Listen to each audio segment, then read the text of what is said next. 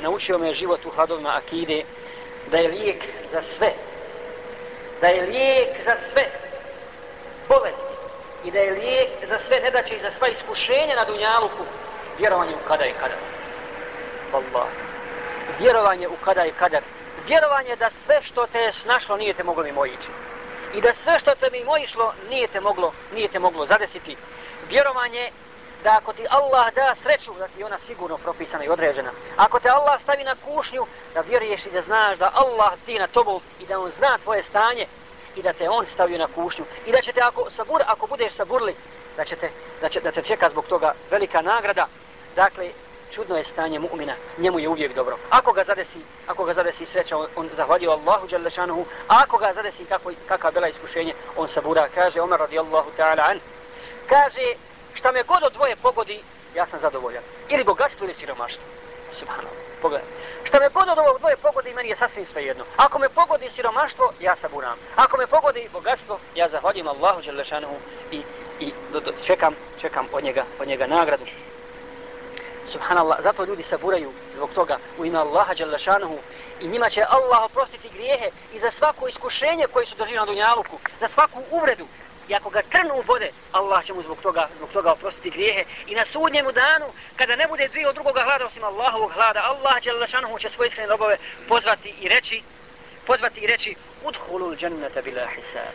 Ovi ovakve, ovi ovakve iskrene robove, uđite u džennet bez polaganja računa. Subhanallah. Bez polaganja računa. Kada bude najveća neizvjesnost, kada ljudi pod strahom budu čekali šta će se desiti s njima. Gdje će li u, džehe, u džennet ili u džehennem? Kad nema više drugog izlaza, kada se sunce spusti koliko upere ljudskih glava, Allah će iskrenim robovima reći, uđite u džennet bez polaganja računa. A oni će reći, ja rabbana, ja maulana, gospodaru naš i naš zaštitniče, zašto?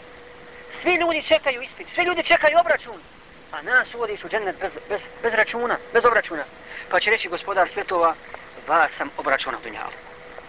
Vi ste obračunati na dunjalu, kula ilaha i da tako i kaže tako mi moje uzvišenosti i veličine ja vas neću obračunavati dva puta niti će vas stići stići bilo kakav ezijetski obračun dva puta. Jednom ste iskušani na dunjaluku i trpili ste u, u ime mene sve ono što ste trpili i ulazite u džennet bez polaganja računa.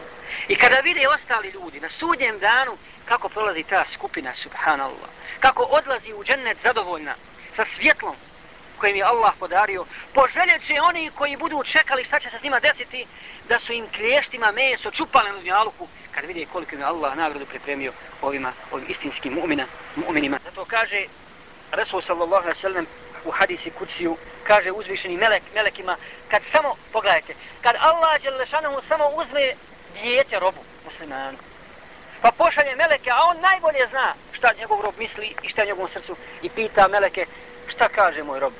Kaže, kako, šta, je, šta je rekao? Uzeli smo, uzeli smo plod njegovog srca. Allah uzeo njegovo dijete. A to nije tako veliko iskušenje. Ali jeste čovjek voli djecu, djeca su fitna. Kaže, gospodaru, zahvaljuje ti. Kada obavijeste ga da sam mu sagradio, da mu je sagrađena kuća u džennetu i, i ime joj je kuća, zahva, kuća zahvalnosti, kuća zahvali.